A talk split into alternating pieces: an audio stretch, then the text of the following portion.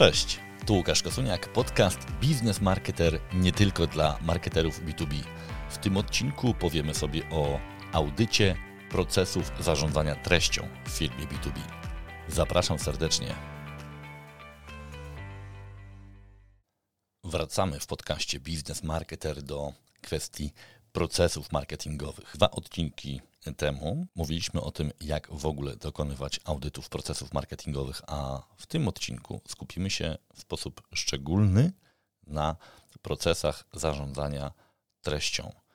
Dlaczego poświęciłem specjalny odcinek procesom zarządzania treścią?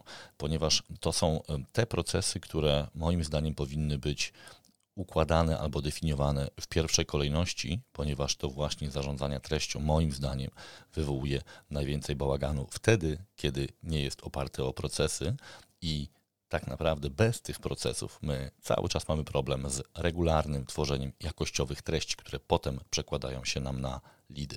Dlatego dziś przyjmiemy taką znaną już być może słuchaczom poprzednich odcinków tego podcastu formułę podziału tego całego zadania zarządzania treściami na obszar planowania treści, produkcji treści, promocji treści i ich pomiaru, czyli 4P. Wiem, ukradłem te 4P od profesora Kotlera, ale mówiąc szczerze, nie znalazłem do tej pory lepszej nazwy, lepszego skrótu. Jeżeli ktoś z Was ma jakiś pomysł, chętnie go przyjmę, nawet być może zapłacę. Także dajcie znać, a póki co trzymajmy się tego ukradzionego od profesora Kotlera 4P. Mamy więc cztery odcinki, cztery etapy tego naszego odcinka i y, czym prędzej myślę, że warto przejść do e, fazy planowania. To faza planowania treści też już wielokrotnie była tutaj y, bohaterem tych naszych odcinków, szczególnie y, kiedy mówiłem o matrycy treści, o strategii treści. No właśnie, jeżeli chcemy dokonać audytu, czyli mówiąc krótko, weryfikacji tego, czy nam dobrze idzie, to moim zdaniem bez takiej matrycy ciężko będzie taki audyt przejść pozytywnie. Dlatego ja audytując e, strategię treści naszych klientów i podpowiadając klientom, jak to robić samodzielnie, zawsze odnoszę się właśnie do tej matrycy. Na szczęście tematowi matrycy treści przyglądałem się już w ramach artykułu, który napisałem na blogu Business Marketer, więc zapraszam Was do zajrzenia na mój blog biznesmarketer.pl. Tam znajdziecie oczywiście ten odcinek, ten e, artykuł. Ja go też podlinkuję w opisie tego podcastu, więc na pewno też znajdziecie bezpośredni link. Natomiast dla tych, którzy w tej chwili chcą czegoś się dowiedzieć, a nie mają czasu, aby zaglądać akurat teraz do bloga, wyjaśniam. Matryca strategii treści to jest tak naprawdę tabelka tabelka, która y, specjalnie została przeze mnie opracowana po to, żeby była prosta, ponieważ ona ma być taką jednostronicową strategią treści. W tej tabeli y, zawiera się tak naprawdę nasza wiedza o tym, do kogo, o czym i w jaki sposób mamy te treści tworzyć, czyli te trzy podstawowe elementy każdej strategii. Matryca, tak żebyście sobie wyobrazili, y, w kolumnach składa się z etapów procesu decyzyjnego, czyli mówiąc wprost, żeby ta matryca w ogóle powstała, to my musimy znać proces decyzyjny naszych klientów i wiedzieć, z jakich etapów on się składa. Czasami dla uproszczenia ten etap, te etapy nazywamy w ten sposób, że to jest budowanie świadomości, budowanie zaangażowania, zainteresowania, chęci posiadania, no i decyzja zakupowa. Oczywiście to jest bardzo duże uproszczenie, bo w każdej organizacji ten proces może wyglądać inaczej, ale dla potrzeb dzisiejszego odcinka możecie sobie wyobrazić, że ta tabela ma cztery kolumny, w których, z których każda jest zaprojektowana dla poszczególnego etapu procesu decyzyjnego naszych klientów. Czyli już musimy znać te e, procesy, czyli ta matryca weryfikuje, czy my te procesy mamy. Drugi element, a w zasadzie pierwszy, który w matrycy jest opisywany, to jest persona albo persony decyzyjne. Wiemy, że w B2B decyzję podejmuje tak naprawdę komitet zakupowy, czyli zazwyczaj kilka osób, ale y, w większości przypadków nie możemy Y, pozwolić sobie na to, żeby tworzyć treści dla tych kilku czy kilkunastu nawet osób niezależnie. Dlatego decydujemy zazwyczaj y, o tym, do kogo mają te treści docierać, analizując to, z kim najczęściej spotykają się albo nasi handlowcy w procesie decyzyjnym, albo kto w imieniu firmy dokonuje y, researchu, czyli kto najczęściej korzysta z naszych treści. Mając tę wiedzę, my możemy przygotowywać materiały pod kątem właśnie potrzeb informacyjnych tych właśnie person, które w sposób pośredni albo bezpośredni wpływają na proces decyzyjny. Mając zdefiniowane persony, wiedząc jakie są etapy procesów decyzyjnych, możemy z tego wywnioskować ich potrzeby informacyjne, to znaczy, co te osoby powinny wiedzieć, aby przejść na kolejne etapy procesu decyzyjnego. Inaczej, jakie informacje, jakie treści powinniśmy my dostarczyć, aby te osoby mogły na przykład z etapu ogólnego zainteresowania, budowania świadomości przejść na etap, powiedzmy, wyboru dostawców. Matryca określa też formaty, czyli to, w jaki sposób te treści dotrą do naszego klienta, jak on będzie je konsumować, czy to będzie format wideo, audio, tekst na stronie, e-book, być może jakiś kalkulator, być może jakieś szkolenie i tak dalej. Będę o tym jeszcze trochę mówił, ale y, takie mądre podejście do formatów zakłada, że nie mnożymy ich zbyt wiele, bo każdego formatu musimy się nauczyć. W każdym musimy osiągnąć mistrzostwo. No i jeżeli będziemy chcieli być świetnym dziesięcioboistą, to tak naprawdę będziemy musieli nauczyć się każdej z tych dyscyplin na poziomie mistrzowskim. A być może wystarczy nam trójbój, czyli na przykład trzy formaty, które na początku sobie zdefiniujemy. Jeden tekstowy, drugi wideo, trzeci być może audio. I dzięki temu szybciej y, wytworzymy taką sprawność w firmie co do tworzenia tych formatów. Powiem też z doświadczenia, że im y, lepiej umiemy dany format, tym łatwiej jest namówić ekspertów na tworzenie treści w tym formacie. Oczywiście tutaj pomaga jeszcze tak zwany recycling treści, czyli zmiana formatów, na przykład zamiana nagrania webinaru na format audio albo na transkrypcję i stworzenie z tego formy tekstowej. Oczywiście oprócz formatów w matrycy treści zapisujemy też tematy komunikacji, czyli tak naprawdę co chcemy powiedzieć. Oczywiście skrótowo to jest raczej taki roboczy tytuł niż opis całego powiedzmy odcinka czy artykułu. Y, chodzi o to, żebyśmy już na tym etapie stworzyli sobie po prostu listę zadań, które potem będzie realizowana, bo przecież planowanie jest po to, aby ktoś potem przeszedł do realizacji. Y, aby jednak ta realizacja miała jakiś porządek, żebyśmy wiedzieli, że jest to połączone z procesami biznesowymi czy z y, jakimiś efektami biznesowymi, które chcemy uzyskać, w tej matrycy też dla każdego etapu, czyli dla każdej kolumny definiujemy cele, po co to robimy i KPI, czyli jak mierzymy to, co robimy. No bo jeżeli na przykład mamy etap budowania świadomości, to wiadomo, że zazwyczaj tymi celami będzie pozyskanie jak największej ilości y, odwiedzin na stronie, czy zbudowanie jakiejś szerszej, szerszej bazy e-mailingowej. Nie będziemy jeszcze weryfikowali, czy ta treść sprzedaje. Natomiast już na ostatnich etapach interesować nas będzie to, na ile te materiały są przydatne w procesie sprzedaży. No, chodzi o to, żeby mierzyć to, na czym nam zależy, ale też nie tworzyć sztucznych oczekiwań, wiedząc o tym, że y, sprzedaż to jest proces i powinniśmy ułatwić klientowi przechodzenie przez ten proces, a nie zmuszać go do y, wykonania czynności, które zazwyczaj wykonuje po pół roku, a nam się wydaje, że dzięki naszym treściom zrobi to w ciągu tygodnia. To zazwyczaj nie działa. No właśnie często przyczyną tego stanu rzeczy jest to, że my nie y, zakładamy, że musi zajść jakiś proces myślowy po stronie klienta, musi minąć czas, a my w ramach tego czasu powinniśmy prowadzić pewne uporządkowane działania.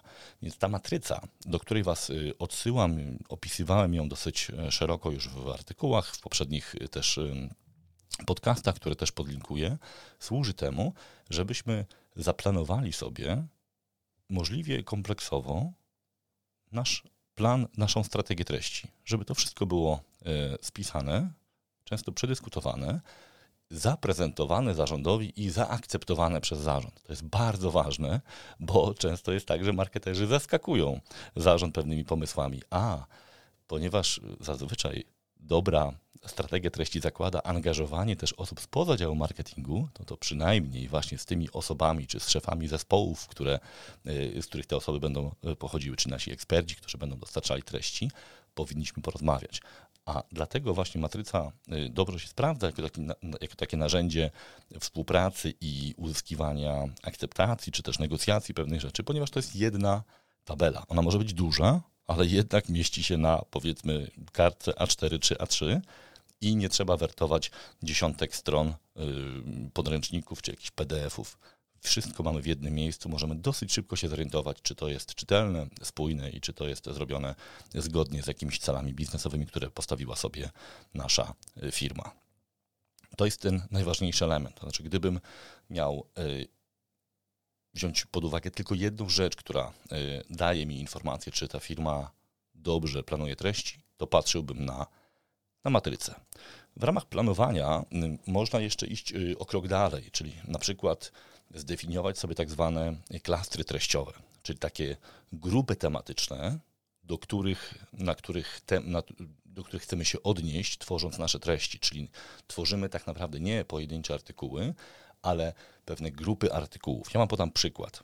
Jeżeli ja specjalizuję się powiedzmy w social sellingu, to tworząc taki klaster treściowy, mogę go nazwać właśnie social selling, czy to będzie grupa artykułów social selling. W ramach tej grupy będą też tematy podrzędne, pochodne, czyli na przykład social selling, dlaczego warto, social selling, jak się przygotować, social selling, jak pracować z obiekcjami, social selling, jakich błędów unikać, social selling, jak to wdrożyć, jak integrować te działania z innymi i tak dalej, i tak dalej. Tworząc tego typu grupy treściowe, my nie tylko pomagamy naszym klientom wciągnąć ich nie tak, że tak powiem, w, w, naszą orbitę oddziaływania, bo jeżeli ktoś zobaczy, że my mamy sporo artykułów na temat, który tę osobę interesuje, to po prostu wsiąknie w tą naszą stronę, będzie coraz więcej konsumować, ale też ułatwiamy pozycjonowanie naszej witryny, bo algorytmy Google'a doceniają takie właśnie klastry treściowe. Y, ja o pillar page'ach właśnie, czyli o tych takich stronach, przewodnikach już trochę mówiłem, ale jeżeli chcecie e, rzeczywiście poczytać o tym, jak to robią najlepsi, to bardzo Wam polecam artykuły firmy HubSpot. Jeżeli sobie wpiszecie w wyszukiwarkę HubSpot pillar page albo HubSpot content cluster, to znajdziecie tam bardzo ciekawe artykuły, a ja Wam też go je podlinkuję. Więc jeśli chodzi o generowanie tematów, to weźcie też pod uwagę właśnie taki, taką technikę właśnie jak budowanie tych klastrów treściowych. To jest element planowania, bo my oczywiście musimy to zrobić zanim zaczniemy tworzyć te artykuły. Oczywiście klastry treściowe, tak jak wspomniałem, służą pozycjonowaniu, a więc y, SEO. I tutaj oczywiście znowu praca nad frazami, czyli ten audyt treściowy y, w ramach planowania powinien obejmować też to, czy mamy dobrze zdefiniowane frazy. I znowu pamiętajcie proszę, że mm, w B2B y, czasem z tymi frazami jest pewien problem, bo po prostu jest mało wyszukiwań poszczególnych fraz. Więc bierzcie pod uwagę nie tylko frazy związane z waszym produktem, ale też z problemami, jakie ten produkt rozwiązuje. Czasami pomocne, oprócz różnych narzędzi wyspecjalizowanych, y, które, którymi dysponują agencje SEO, z którymi kontakt też Wam bardzo polecam, bo y, bardzo często oni potrafią podpowiedzieć rzeczy, których my bez narzędzi nie widzimy ale myśląc o frazach, zajrzyjcie też do e, Search Console, Google Search Console. A przede wszystkim upewnijcie się, czy macie podłączoną Search Console pod waszą stronę, ponieważ w wielu przypadkach audytując treści z przerażeniem odkrywam, że tak naprawdę nie jest to zintegrowane. I wtedy tak naprawdę nie wiemy, czego na przykład szukają osoby, które weszły na naszą stronę. A to jest bardzo cenna informacja, bo właśnie Google Search Console między innymi może nam dać informację o tym, jak jakiej frazy szukała osoba, która trafiła na naszą stronę. To jest genialna podpowiedź, na jakie frazy powinniśmy się y, pozycjonować.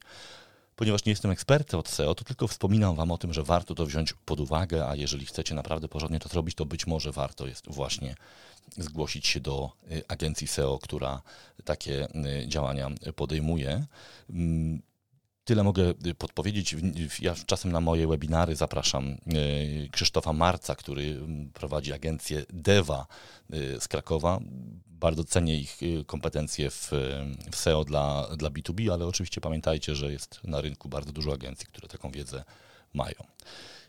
Ostatni element, który na etapie planowania warto wziąć pod uwagę, audytując treści, to jest to, czy my mamy dobrze rozpisane kwestie związane z angażowaniem wewnętrznych ekspertów. Wspominam o tym, wiedząc, że będzie to raczej zadanie dla większych organizacji, gdzie już trzeba zarządzić pewną większą grupą ekspertów, bo jeżeli jest ich dwóch albo trzech, dwoje, troje, to myślę, że takiej potrzeby nie ma, ale już w większych organizacjach, gdzie ty, tych ekspertów może być kilkudziesięcioro, tam już warto jest to trochę uporządkować. Co mam na myśli konkretnie? Ja być może słuchaliście już w odcinkach o social sellingu czy o employee advocacy, bardzo zachęcam Y, spisanie pewnych prostych reguł współpracy z naszymi ekspertami. Na przykład, y, czego oczekujemy od tych ekspertów? Czy to jest napisanie artykułu, czy to jest nagranie webinaru, czy to jest może udział w jakimś materiale wideo? Y, chodzi o to, żeby też oszacować ich wysiłek, który mają w to włożyć, żebyśmy wiedzieli, że to jest realne, czego od nich oczekujemy. A z drugiej strony, my jako organizacja, jako dział marketingu, powinniśmy zaoferować jakiś rodzaj wsparcia. To może być wsparcie, na przykład nie, zrobienie dobrej sesji zdjęciowej albo plasowanie takiego eksperta w ciekawych mm, mediach czy na ciekawych konferencjach y, i tak dalej. Generalnie chodzi o to, żeby przy większej grupie ekspertów mieć w miarę czytelne reguły współpracy, żeby nikt, nikomu nie przyszło do głowy to, że dział marketingu sobie ręcznie wybiera ekspertów do współpracy. Ja wiem z doświadczenia, że często na początku wprowadzania takich aktywności właśnie, gdzie y, pokazujemy ekspertów, zachęcamy ich do współpracy, ci eksperci nie bardzo się garną do tego, ale w momencie, kiedy zaczynają widzieć efekty, y, pojawiają się pretensje, dlaczego wy nie pracujecie ze mną, tylko bierzecie sobie kogoś, kto jest waszym znajomym, kolegą i tak dalej. Żeby tego uniknąć, warto jest opracować takie proste reguły współpracy, typu co daje dział marketingu i czyli co będzie miał z tego ekspert, a czego dział marketingu od eksperta oczekuje. Warto też wziąć pod uwagę to, że eksperci nie wszyscy będą podejmowali te decyzje o współpracy w jednym momencie. Czasem o tym wspominam, że to są takie fazy. Często jest tak, że po takim pierwszym szkoleniu, powiedzmy motywacyjno-edukacyjnym, które czasem prowadzę, zgłasza się jakaś grupa ludzi, którzy chcą to robić, a pozostali tak trochę czekają. I zawsze zachęcam klientów, żeby nie obrażali się na te osoby, które jeszcze się nie zdecydowały, bo bardzo możliwe, że oni przyjdą w drugiej fazie i będą dużo stabilniejszym filarem tego programu kontentowego, czy właśnie employee advocacy. Natomiast, żeby dać szansę tym osobom na włączenie się w ten program, warto jest powtarzać te rekrutacje na przykład co kwartał. Czyli co kwartał zrobić jakieś proste szkolenie już często wewnętrznymi siłami, po to, żeby był moment, kiedy te osoby mogą dołączyć żeby miały okazję, żeby nie musiały pytać, nie musiały się zastanawiać, czy to jest dobry moment, czy jeszcze w ogóle ktoś ich oczekuje. Zróbmy z tego rytm. Czyli znowu, jak widzicie, podejście procesowe bardzo się przydaje, ponieważ pewne działania będą się powtarzały, czyli powtarzać się będzie szansa na dołączenie nowych ekspertów do naszego programu kontentowego. Oczywiście te, te, spotkania często właśnie mogą y, zawierać też format szkoleniowy.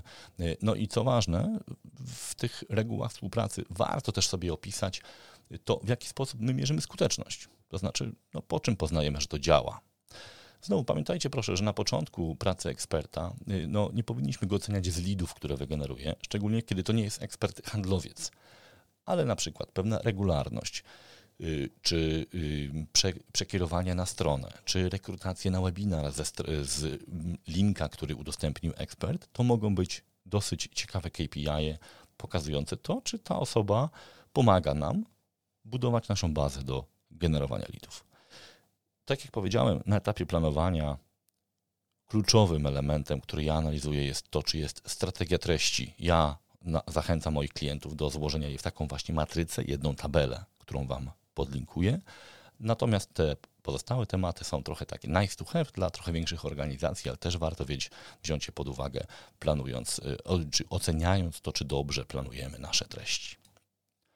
Zakładamy, że etap planowania mamy już za sobą. Powstała matryca, czyli tak naprawdę plan pracy na najbliższe kilka czy kilkanaście miesięcy. Mamy tam tematy, często kilkanaście y, formatów, kilkanaście tematów, kilka formatów, w których tworzymy treści. No więc czas przejść do produkcji, czyli do egzekucji.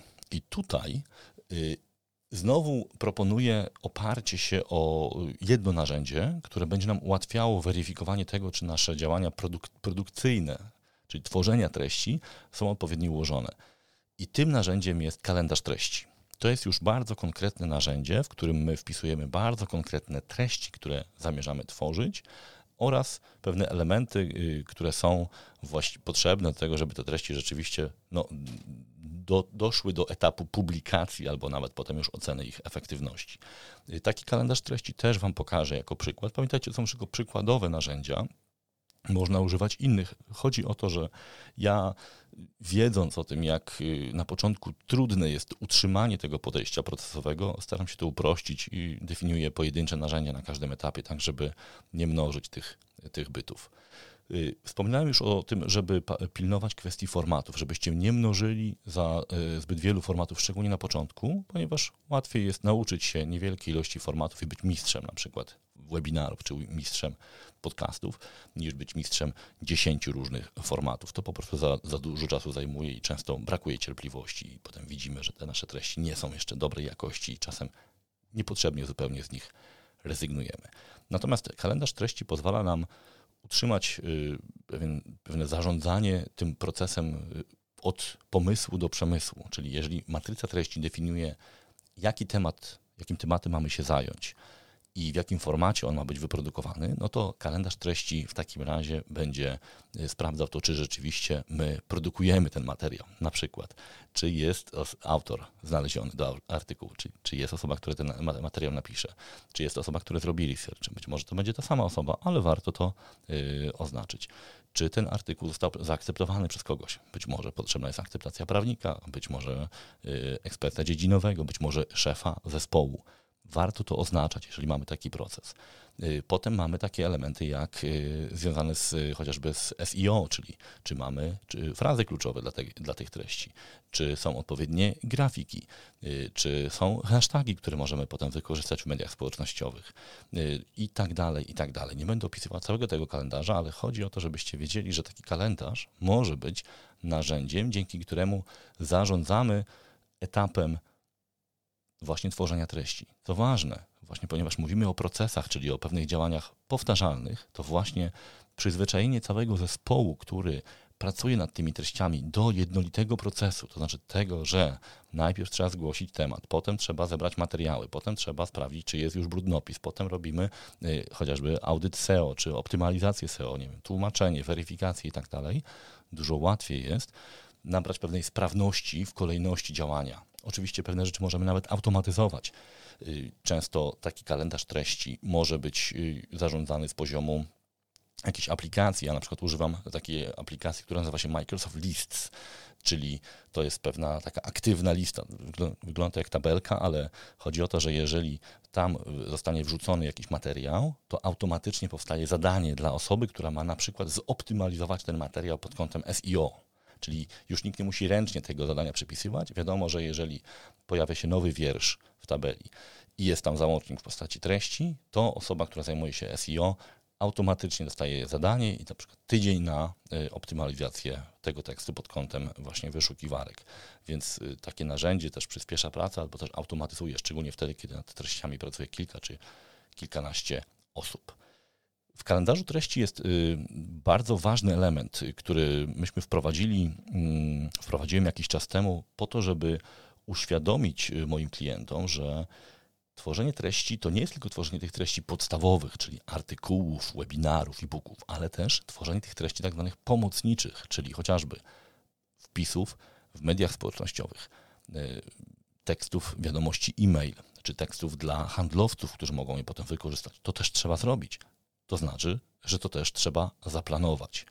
Myśmy zrobili taką regułę, która y, działa, do której zachęcam moich klientów, że każda treść podstawowa, czyli na przykład ten artykuł na blogu, który powstaje, musi być uzupełniony przynajmniej sześcioma treściami pomocniczymi, czyli na przykład sześcioma wpisami w mediach społecznościowych, albo trzema wpisami w mediach społecznościowych i trzema wiadomościami e-mail, które są wysyłane. Dlaczego? Znowu zauważyłem, że bardzo często wiele firm, wiele osób, które się zajmuje treściami, po prostu publikuje te treści, licząc na to, że one się same wypozycjonują. No niestety w większości przypadków tak się nie dzieje.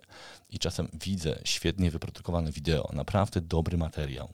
Widzę też po jakości produkcji, że musiał sporo kosztować, który zebrał na przykład 90 odtworzeń w ciągu ostatniego roku. To jest dramat, to jest marnotrawstwo. No, ktoś zapomniał o tym, żeby ten materiał po prostu wypromować.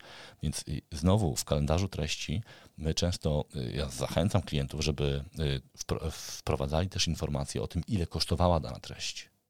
Bo wtedy łatwiej jest nam ocenić, ile my tak naprawdę wydajemy na tworzenie treści, a ile na promocję tych treści. I wtedy okazuje się, że żeby ta maszynka dobrze działała, to minimum połowę budżetu treściowego trzeba przeznaczyć na promocję. Tak wychodzi przynajmniej z naszych danych. Co ciekawe, firmy, które już nabierają pewnej sprawności tworzenia treści czy zarządzania treściami, stosunkowo wydają coraz więcej na promocję. Dlaczego? Ponieważ produkcja coraz mniej ich kosztuje, bo często wykorzystują treści w formie recyklingu i tak dalej. Y, natomiast to wszystko będziemy wiedzieli, prowadząc profesjonalnie kalendarz treści. Czyli znowu ten kalendarz treści to jest ten element, który ja zazwyczaj audytuję. W ogóle czy on jest i, i czy jest, czy z jakich części się składa, no i oczywiście czy jest stosowany, no bo niestety często też się zdarza, że ten kalendarz gdzieś jest, ale tak naprawdę połowa pracy nad treściami przebiega poza nim. No, wtedy tak naprawdę trudno mówić o jakimkolwiek procesie, no bo to, to jest tylko zestaw jakichś tam niepołączonych ze sobą działań. Oczywiście y, trzeba też pamiętać o tej drugiej skrajności, czyli zbytnim sformalizowaniu, zbytnim skomplikowaniu tego kalendarza. Dlatego mm, ten kalendarz, który ja proponuję, ma formę prostej tabelki. Zobaczycie go y, wchodząc na stronę y, mojego podcastu, czyli Business Marketer z nazwą tego odcinka. Oczywiście będziecie mieli link też w opisie w aplikacji. Tam zobaczycie ten materiał, on nie jest, ten, ten kalendarz, on nie jest zbyt skomplikowany, ale można go oczywiście bardziej rozbudowywać. Z tym, że jeżeli zaczynacie dopiero, to rekomenduję, żeby to było maksymalnie proste. W ramach produkcji treści zwróćcie też uwagę, proszę, na y, element recyklingu treści. W tym kalendarzu, który ja stosuję, jest taka kolumna przy każdym materiale, czyli materiały są w wierszach rozpisywane, a te statusy różnego rodzaju są w kolumnach. Jest taka kolumna, która nazywa się czy ten materiał będzie podlegał recyklingowi treści, a w skrócie nazwałem go reformat do, czyli ten materiał będzie reformatowany na przykład do artykułu, do audio, czyli załóżmy, jeżeli mamy webinar, to możemy z tego zrobić na przykład cztery artykuły, bo to jest dosyć dużo materiału. Godzina webinaru to jest około 50 tysięcy znaków tekstu, tak żebyście mieli y, przeliczenie. I jeżeli ja już mam y, w kalendarzu treści oznaczony reformat do na przykład artykuł, czy cztery artykuły, no to wiadomo, że w tym kalendarzu powinienem też wpisać te artykuły, które będą stworzone na bazie tego recyklingu po to, żeby to zadania, te zadania po raz kolejny fu funkcjonowały i żeby też nikt nam nie wbił innych zadań, które nam no po prostu dodatkowo nas dociążą, bo my wiemy, że jeżeli oznaczamy na przykład webinar, co to jest marketing automation i chcemy zrobić z tego cztery artykuły, no to wiadomo, że my też wpisując to do kalendarza, raportujemy, że będziemy mieli pewne obciążenie czasowe związane z wytworzeniem tych artykułów. No to z tym wszystkim można zarządzić właśnie y, używając kalendarza treści. Szczególnie zachęcam Was do stosowania tego kalendarza wtedy, kiedy pracujecie w rozproszeniu. Na przykład część aktywności wykonuje agencja albo osoby, które rzadko się widują bezpośrednio. Taki kalendarz oczywiście powinien być w miejscu udostępnionym, w miarę zabezpieczonym. Natomiast na początku absolutnie tabela, w, czy to w Excelu online, czy Google Spreadsheet wystarczy w 100%. Potem możecie szukać bardziej skomplikowanych narzędzi do zarządzania treściami. Jest ich dosyć dużo. Y, czasami stosujemy do tego właśnie tą aplikację Microsoft Lists. Y, czasami wiem, że firmy stosują na przykład takie mm, aplikacje związane już z zarządzaniem projektami, czyli na przykład Trello.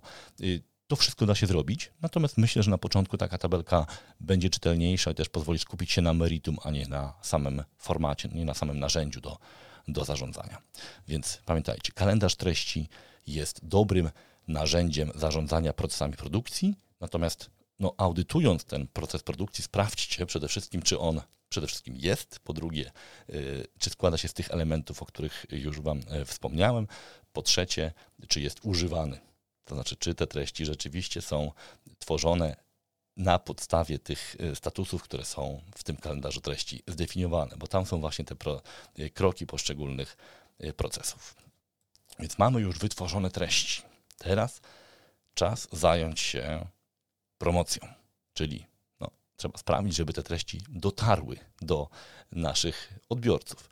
Tak jak wspomniałem, z tym jest pewien problem i dlatego ja to zwracam uwagę. Jeśli chodzi o zarządzanie promocją treści w formie innych treści, tak zwanych promocyjnych, to już Wam wspomniałem, że również na tym etapie przyda się kalendarz treści. Czyli po prostu pewne treści, czy to są reklamy, czy to są y, wpisy w mediach społecznościowych, czy to są e-maile, czy to są jakieś banery, my traktujemy jako kolejne treści, które trzeba wytworzyć, dlatego mają być wpisane do kalendarza treści, zaplanowane i ich tworzenie jest tak samo opisane jak tworzenie artykułów. Oczywiście opisy mogą być krótsze, proces może być krótszy, ale mają się tam znaleźć. Właśnie po to, żebyśmy nie zapomnieli o tym, że te treści są równie ważne co treści podstawowe.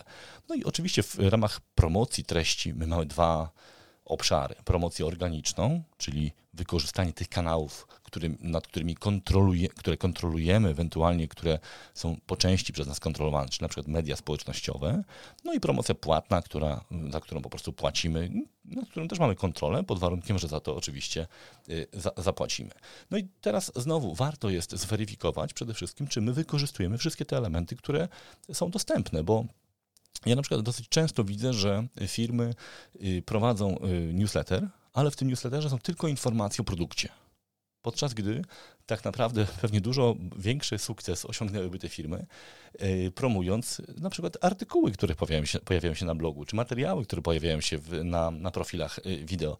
Warto to wykorzystać, yy, szczególnie wtedy, kiedy już firma taki newsletter prowadzi. A jeżeli nie, to bardzo Was do tego zachęcam, bo przede wszystkim prowadzenie newslettera to jest świetny sposób na budowanie bazy mailingowej, a po drugie właśnie na promocję tych treści eksperckich. Więc to jest jeden z tych elementów, który ja biorę pod uwagę, audytując y, proces promocji treści. Czy wykorzystujemy dobrze e-mailing, czy mamy newsletter, czy newslettery, czy mamy na przykład bazy mailingowe dedykowane, czy mamy segmentację, czy mamy podzieloną naszą bazę na, na jakieś części związane chociażby z zainteresowaniami, z obszarem działania, z branżą i tak dalej, bo być może właśnie bardzo zwiększymy skuteczność naszych aktywności promocyjnych czy w ogóle komunikacyjnych wtedy, kiedy my nie będziemy wysyłali tych samych informacji do wszystkich, tylko na przykład część z tych y, informacji będzie wysyłana tylko do osób, które no, na przykład są w pewnych y, segmentach. Tutaj bardzo przydaje się mądre zarządzanie y, takimi tak zwanymi hashtagami czy tagami.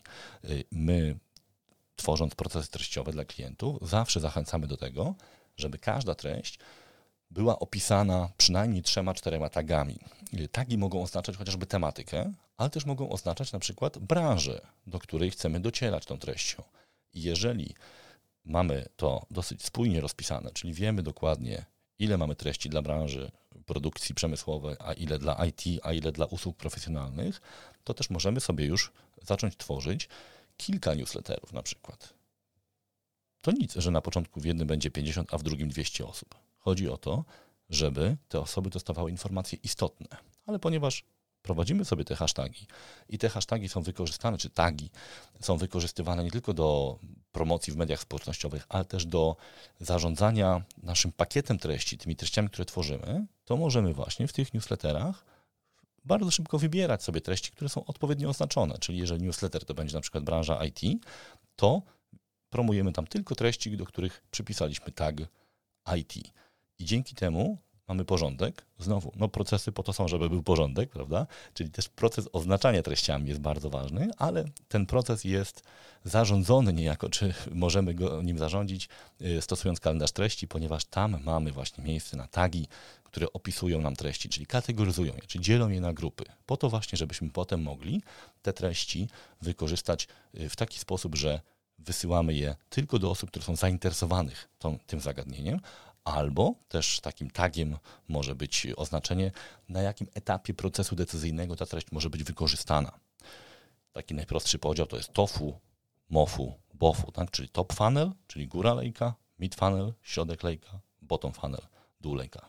Góra lejka, treści świadom, budowanie świadomości, mid funnel raczej wybór dostawcy, być może adresowanie obiekcji i bottom funnel, czyli już treści, które mają wesprzeć naszych handlowców w procesie sprzedaży albo w, jeżeli to jest proces bezpośredni, bezpośrednio wpływać na decyzję zakupową klienta. I znowu, jeżeli mamy też takie tagi, to może się okazać, że jedna treść ma taki hashtag typu na przykład marketing automation, czyli to jest treść o marketing automation dla branży IT, czyli drugi tak to będzie IT i trzeci tak to będzie na przykład TOFU, czyli top funnel, czyli materiał z góry lejka, czyli budowanie świadomości. I w ten sposób możemy sobie budować takie segmenty, grupy treści, które są wysyłane i w, odpowiednio, w odpowiednim kontekście serwowane. Dużo łatwiej jest nam tym zarządzić. A do znowu do tego właśnie służy nasz kalendarz treści. Właśnie plus tego, jeżeli prowadzimy kalendarz treści w jakiejś tabeli, jest taki, że możemy bardzo szybko filtrować te treści po właśnie hashtagach i dzięki temu budować sobie takie paczki, które na przykład przygotowujemy albo handlowcom, albo właśnie w formie y, e-mailingów promujemy do konkretnych grup naszych klientów.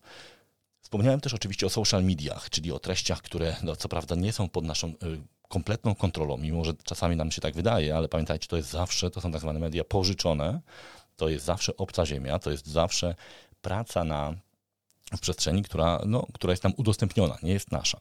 I znowu wa warto jest sprawdzić, czy powstają rzeczywiście wpisy w mediach społecznościowych pod poszczególne artykuły, webinary, szkolenia, czy te treści podstawowe, które mają być właśnie promowane w mediach społecznościowych. Czy znowu są tam odpowiednie hasztagi? Zobaczcie, po raz kolejny możemy wykorzystać tak naprawdę ten sam, ten sam hashtag. Y, czy mamy zaplanowane te publikacje i czy ta data publikacji jest skorelowana z datą publikacji tej treści podstawowej. Możemy oczywiście do tego wykorzystać też bardziej zaawansowane narzędzia, czyli już takie planowanie publikacji y, w mediach społecznościowych bezpośrednio, czyli na przykład Sherby, które służy do obsługi dużo większej ilości publikujących, czy Hootsuite, który jest takim narzędziem dla, dla, dla, dla, do zarządzania treściami w małej powiedzmy i, i średniej Y. Wspomniałem już znowu, że elementem promocji jest SEO, dlatego nie będę się powtarzał. Ważne jest to, żeby mieć w kalendarzu taki status, czy dana treść została zoptymalizowana pod SEO. Co to znaczy? To znaczy te wszystkie, czy zastosowane zostały te dobre praktyki związane z nagłówkiem, z opisem grafik, ze spójnością tytułu, z właśnie nagłówkami, y, powtarzaniem, czytelnością tych treści. Znowu ja bardzo Wam polecam, jeżeli nie macie fachowca na, na, na miejscu, żeby sobie, że tak powiem, wynająć kogoś w agencji SEO, kto będzie regularnie dostawał zadanie typu wpada artykuł, masz tydzień na optymalizację SEO, wtedy te treści rzeczywiście będą dużo szybciej zyskiwały y, na popularności, będą dużo wyżej pozycjonowane w wyszukiwarce, szczególnie oczywiście w Google. No oczywiście jeśli chodzi o płatną promocję, to warto jest y, w tym audycie znowu upewnić się, że treści są, czyli mamy co promować, to, równie, to może być ten sam, ta sama treść, która jest promowana organicznie, ale chodzi o to, żebyśmy wiedzieli, że to właśnie ma być promowane płatnie. Po drugie, y, czy mamy ustalony budżet na tą promocję, czas tej promocji, być, formę tej promocji, czy to jest y, display, czy to jest y, format tekstowy, czyli searchowy, czy to jest remarketing na przykład. No i oczywiście, czy to się wszystko mieści w naszej strategii tak zwanym media mixie, czyli czy my nie, nie wychodzimy gdzieś poza formaty, które, których i sprawiamy, że klienci na przykład nie zauważają tego, bo ich tam nie ma.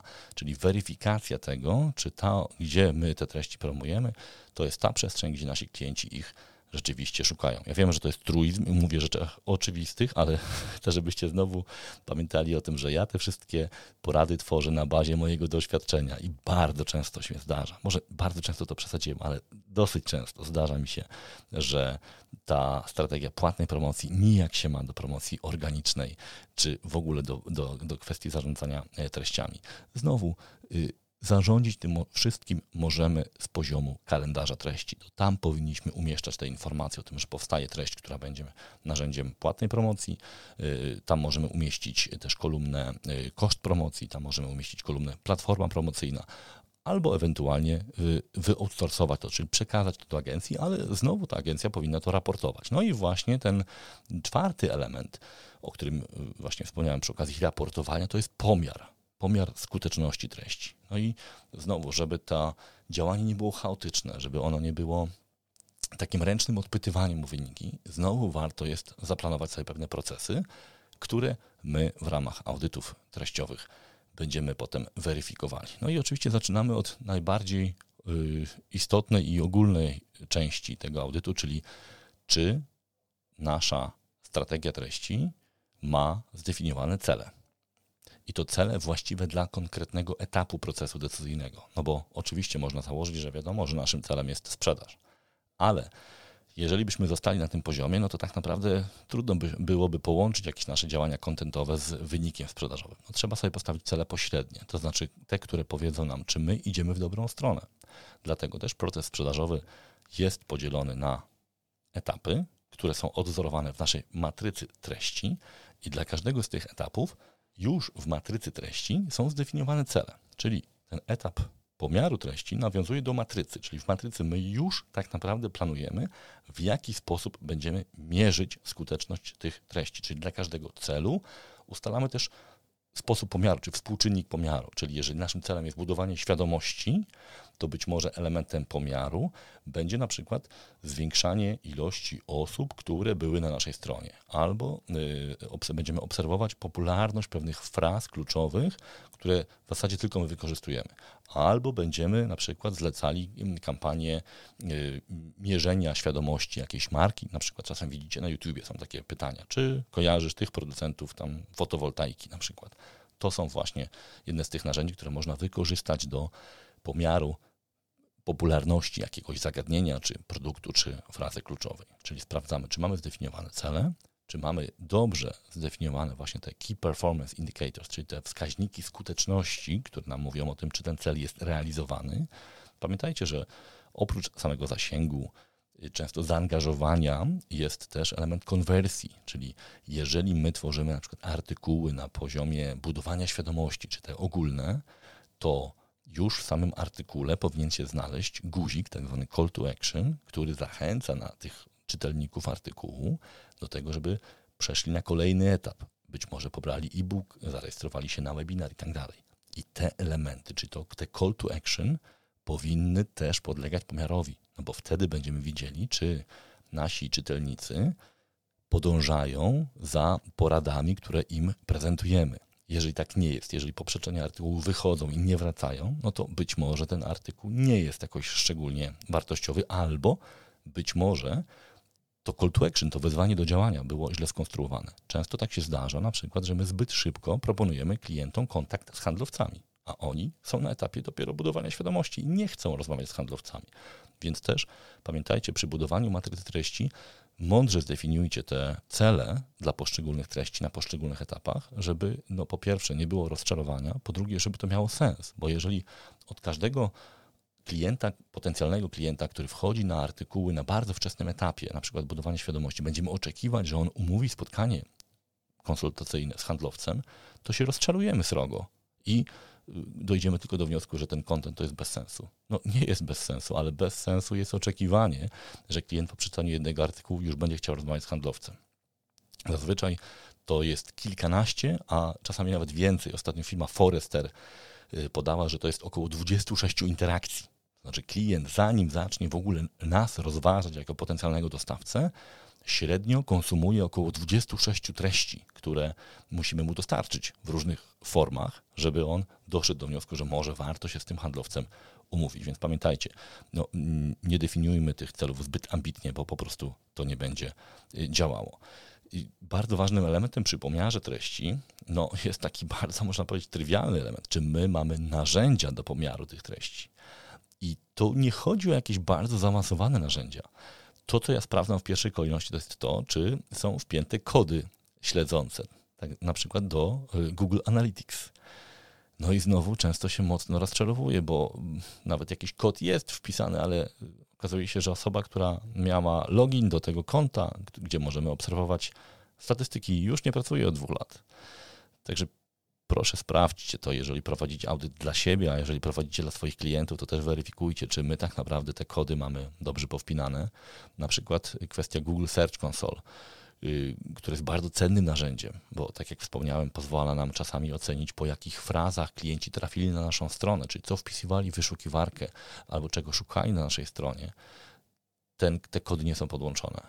I wtedy no, nie mamy tych informacji okazuje się, że po roku czy po dwóch latach mielibyśmy piękny zestaw danych, który możemy wykorzystać do poprawienia jakości, czyli skuteczności naszych treści, czyli więcej lidów pozyskiwać. No ale nie ma tych informacji, bo ktoś zapomniał podpiąć y, Google Search Console. Chociażby z tego powodu warto jest raz na jakiś czas poprosić o taki prosty audyt SEO. Y, tych agencji SEO jest w Polsce bardzo dużo, często mają bardzo wysokie kompetencje. No właśnie po to, żeby takich prostych błędów nie popełniać, bo czasami to jest błąd y, czyjś ludzki, po prostu być może nie zmienił kodu, albo zablokował kod, albo właśnie ktoś nie przekazał komuś tam loginu, czy czegoś tam innego. Warto jest takie rzeczy weryfikować, bo one dają nam później bardzo cenne dane. Czyli y, wracając jeszcze raz do tego, jak ten audyt tego, w tym obszarze pomiaru treści e, jest prowadzony, no, weryfikujemy, czy dla każdego etapu tworzenia treści, czyli w naszej matrycy są zdefiniowane cele, czy wiemy, jak je mierzyć i czy mamy możliwość mierzenia tych treści. Oczywiście mierzymy też konwersję chociażby na umawianie spotkań, no bo jeżeli pracujemy w firmie sprzedażowej B2B, to kluczowym zadaniem marketerów będzie generowanie leadów. Czyli na przykład doprowadzenie do sytuacji, kiedy nie wiem, uczestnik webinaru godzi się na indywidualną konsultację. I takie treści, takie sytuacje, takie, takie y, triggery, czyli wygenerowanie lida, też powinny być mierzone. Do tego najlepiej nadają się narzędzia marketing automation albo narzędzia CRM z elementami zarządzania marketingiem, bo wtedy możemy sobie płynnie obserwować, w jaki sposób te lidy potem są wykorzystywane przez handlowców. I dzięki temu ocenić na przykład, że artykuł, czy e-book, czy webinar wygenerował nam 20 lidów, a 5 z nich zamknęło się sprzedażą. W związku z tym możemy powiedzieć, że mówiąc po angielsku, kontrybuowaliśmy, czyli wpływaliśmy na przykład na 5 lidów w tym kwartale o wartości na przykład 100 tysięcy złotych. Te dane też potem są wykorzystywane do tego, żeby zdecydować, ile pieniędzy możemy wydać na marketing, czy też na promocję treści, czy na ich produkcję. Wiedząc o tym, ile wartości firmie przynosimy, możemy dużo skuteczniej domagać się zwiększenia tego budżetu, albo też no, oceniać, że ten nasz wpływ jeszcze nie jest wystarczający, żebyśmy jakieś oczekiwania jako marketerzy y, przedstawiali. Moi drodzy, mówiłem, że postaram się, żeby to było w miarę proste i, i, i właśnie skończyłem omawiać ten element y, audytu procesu zarządzania treścią, czyli w skrócie sprawdzamy, czy mamy narzędzia, czy mamy procesy w czterech obszarach zarządzania treścią: planowania, produkcji, promocji i pomiaru. Tymi narzędziami, które, których istnienie bardzo się przydaje, a które w audycie weryfikujemy, jest właśnie matryca treści, czyli narzędzie do planowania treści, i kalendarz treści, czyli narzędzie do zarządzania produkcją i promocją tych treści. Oczywiście planowanie jest związane z matrycą, ponieważ w matrycy ustalamy właśnie te cele i te tak zwane KPI, czyli te współczynniki efektywności, które potem będziemy mierzyli. Oczywiście, żeby skutecznie mierzyć y, skute efektywność, skuteczność naszych treści, warto jest korzystać chociażby z Google Analytics czy z Google Search Console, jeżeli chcemy być skuteczniejsi w planowaniu treści w mediach społecznościowych, to tutaj być może narzędzia typu Sherby czy Hootsuite będą się dobrze sprawdzać, a w obszarze pomiaru wpływu marketingu na sprzedaż najlepiej jest mieć y, narzędzie marketing automation sprzężone z nawet najprostszym CRM-em, bo dzięki temu będziemy wiedzieli, że te lidy, które marketing wykorzystał, zamykają się jakąś wartością i dzięki temu wiemy, w jaki sposób wpływamy na działania sprzedażowe firmy. Tak jak wspomniałem, w opisie na stronie businessmarketer.pl będziecie mieć linki do dodatkowych materiałów, czyli właśnie do przykładowej matrycy czy do przykładowego kalendarza treści. Pamiętajcie, to są przykładowe narzędzia. To nie jest tak, że to są jedyne obowiązkowe i lepszych nie ma. Oczywiście jest dosyć dużo tych narzędzi, ale jeżeli chcecie od czegoś zacząć, to myślę, że to są dobre narzędzia, które już przeszły pewną próbę czasu, bo zostały wdrożone u myślę, że kilkudziesięciu y, klientów i y, do tej pory nie narzekają klienci na te narzędzia, a one dosyć, dosyć y, dobrze przydają się w uporządkowaniu tej pracy. Bo pamiętajcie, procesy nie służą temu, żeby tworzyć jakieś dodatkowe tabele, pomiary i tak dalej. One mają nam pewne rzeczy przyspieszać. To znaczy, my mamy w ramach tych powtarzalnych działań już nie wymyślać koła od nowa, tylko stosować pewne kroki, które są y, zdefiniowane, wcześniej zadziałały. Y, tak naprawdę, jeżeli też chcemy automatyzować nasze działania związane z marketingiem, to również te procesy muszą być zdefiniowane, bo automatyzować można tylko istniejące y, procesy. Jeżeli nie odsłuchiwaliście poprzednich odcinków związanych z procesami marketingowymi, to ja w opisie tego podcastu podlinkuję Wam, bo jest taki odcinek, o ile pamiętam chyba 117, który właśnie omawia trochę bardziej ogólnie kwestie procesów marketingowych. Tam też bardziej uzasadniam, szerzej uzasadniam, dlaczego w ogóle warto się e, tymi procesami zająć. Trochę też e, mierzę się z obiekcjami pewnymi e, z argumentami, które czasem słyszę, że marketing jest sztuką, a nie nauką i te procesy utrudniają działania marketingowe.